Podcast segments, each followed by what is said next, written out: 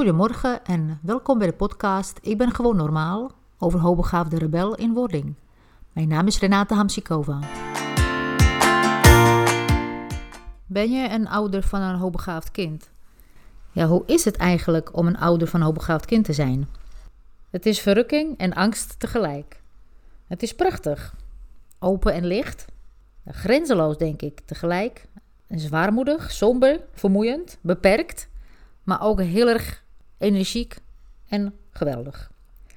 De negatieve woorden hangen niet samen met hoogbegaafdheid, maar eigenlijk hangen ze meestal samen met hoe de omgeving op de hoogbegaafdheid reageert. Ik zeg niet dat je het uh, mooier moet maken dan het is. Ja, je moet eigenlijk zelf ook realistisch zijn. Als je dat als ouder, als volwassene beseft, kun je lichtheid zien en kun je je kind ook in die lichtheid en dus positiviteit opvoeden.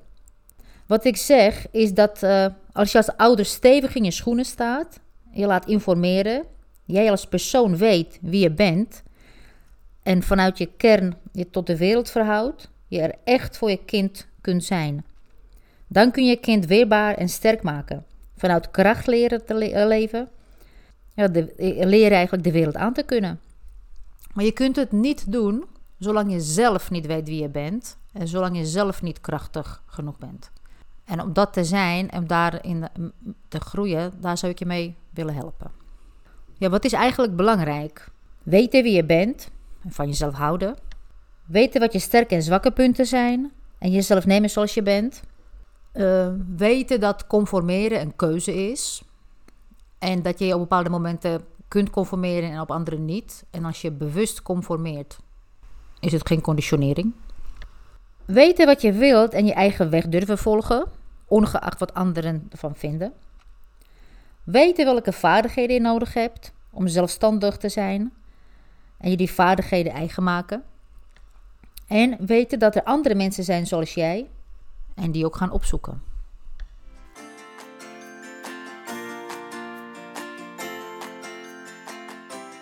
Ja, wat moet je als eh, ouder van een hoogbegaafd kind uh, weten? Hoogbegaafde kinderen verwachten een sfeer van uh, transparantie. Een open sfeer waarin de motieven van iedereen duidelijk zijn. Ze leven in een maatschappij waar iedereen een masker draagt. Dus als je thuis bent, is het heel belangrijk dat je jezelf durft te zijn en dat andere mensen in het gezin ook zichzelf zijn. En dat je erover nadenkt in hoeverre is de sfeer thuis ontspannen en transparant. Het moet een sfeer zijn van authenticiteit en een sfeer van empathie. Hoogbegaafde kinderen zijn bijzonder gevoelig voor deze sfeer. Ja, en jouw ervaringen in het omgaan met anderen zijn waardevol voor je kind. Uh, want ze kunnen, ze kunnen van je leren. Ze leren automatisch van je, want ze kijken het gedrag af.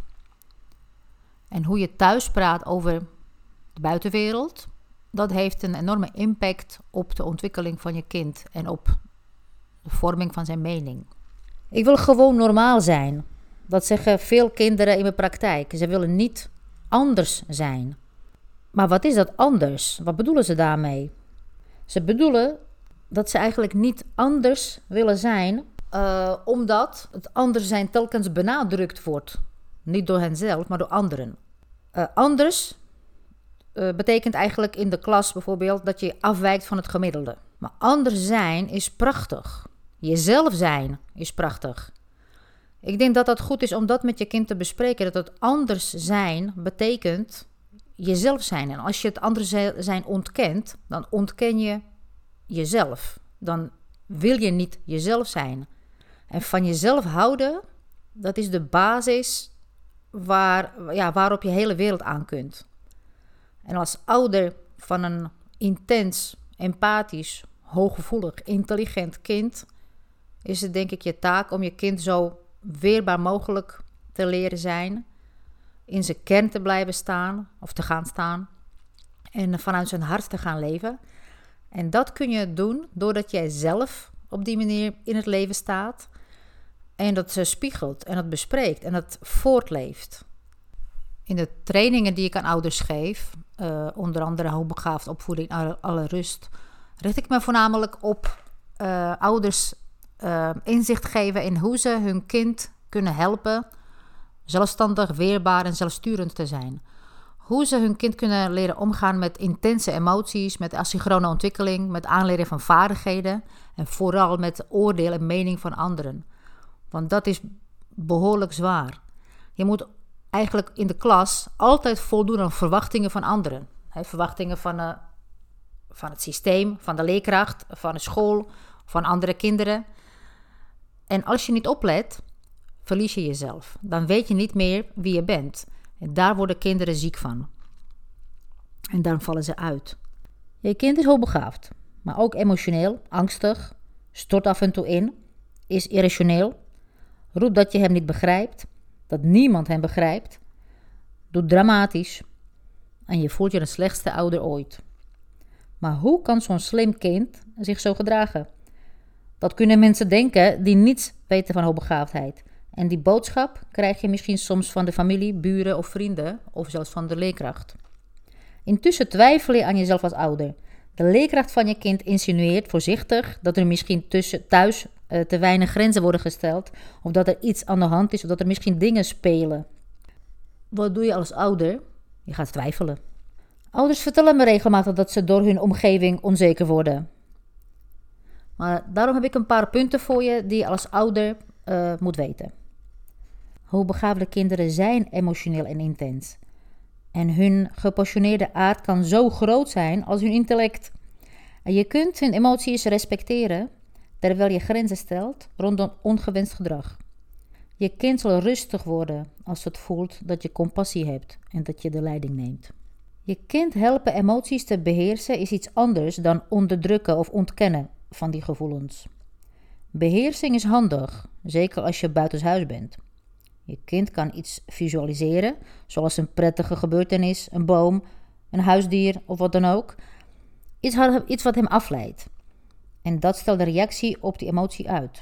Maar door emotionele intensiteit en hooggevoeligheid kan je kind kleine dingen observeren, zoals geluidjes, bewegingen, eh, dat soort dingen. Zorg daarvoor dat je lichaamstaal klopt uh, met wat je zegt. Het zal moeilijker zijn om machtsstrijd te voorkomen als je kind sneller denkt dan jij. Gebruik daarom de ik moet erover nadenken en dan kom ik er later op terug uh, methode. Op die manier geef je jezelf tijd om na te denken over je antwoord en om rustig te blijven. Je kind voelt zich veiliger als het voelt dat jij de leiding hebt.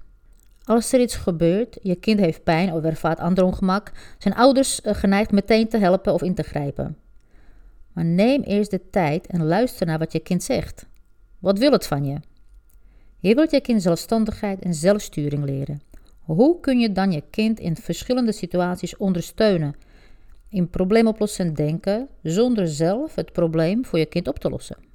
En onthoud ook, er zijn geen perfecte ouders. Jouw fouten kun je als een handvat gebruiken om je kind te laten zien dat fouten maken bij het mens zijn hoort. Tja, hoe is het om een uh, ouder van een hoogbegaafd kind te zijn?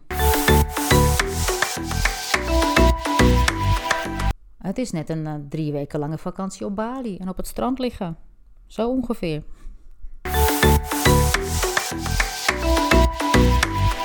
Voor hoogbegaafde kinderen is het een zegen als hun ouders een flinke portie gezond verstand hebben. En naast betrokkenheid moet er ook voldoende afstand zijn. Naast open communicatie moet er ook wijsheid en beschikbaarheid zijn. Afstand houden betekent dat je je kind stimuleert tot zelfstandigheid en dat je aanmoedigt om het eerst zelf te proberen voordat je met oplossingen komt. Open communicatie betekent niet dat steeds alles bespreekbaar moet zijn. Het betekent dat knelpunten, opgekropte emoties, spanningen en dergelijke aan bod moeten komen. Maar het betekent niet dat volwassenen zelf actief of onmiddellijk een gesprek moeten forceren. Het gaat eigenlijk om een juiste balans te vinden en te houden.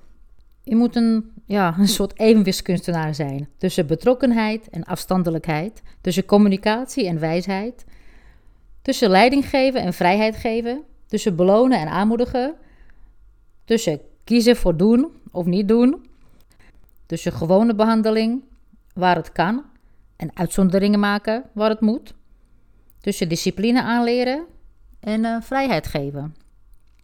Daarom pleit ik ervoor om je gezonde verstand aan te spreken. En het is wijs, ook voor jezelf, om tussen wat er gebeurt en wat actie wordt om voldoende tijd te nemen, zodat je zelf tot rust komt, je eigen emoties onder controle krijgt en rustig kunt nadenken wat je reactie wordt. Want eigenlijk wil je geen reactie geven, maar een respons. En dat komt vanuit de rust. En daarmee kun je je kind echt heel goed leren hoe om te gaan met zijn intense emoties.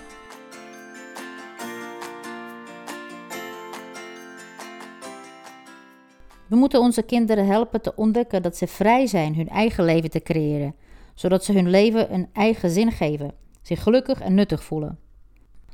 Ze moeten leren hun existentiële bewustzijn te hebben, zonder dat dit meteen eh, tot een depressie leidt. En ze moeten leren zich te ontwikkelen zonder dat de mening of levensstijl van anderen hen achtervolgt. Ze moeten loskomen van algemene ideeën, zelf creëren en zich blijven ontwikkelen.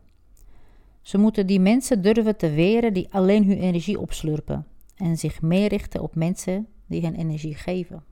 Ze moeten durven te zijn wie ze zijn.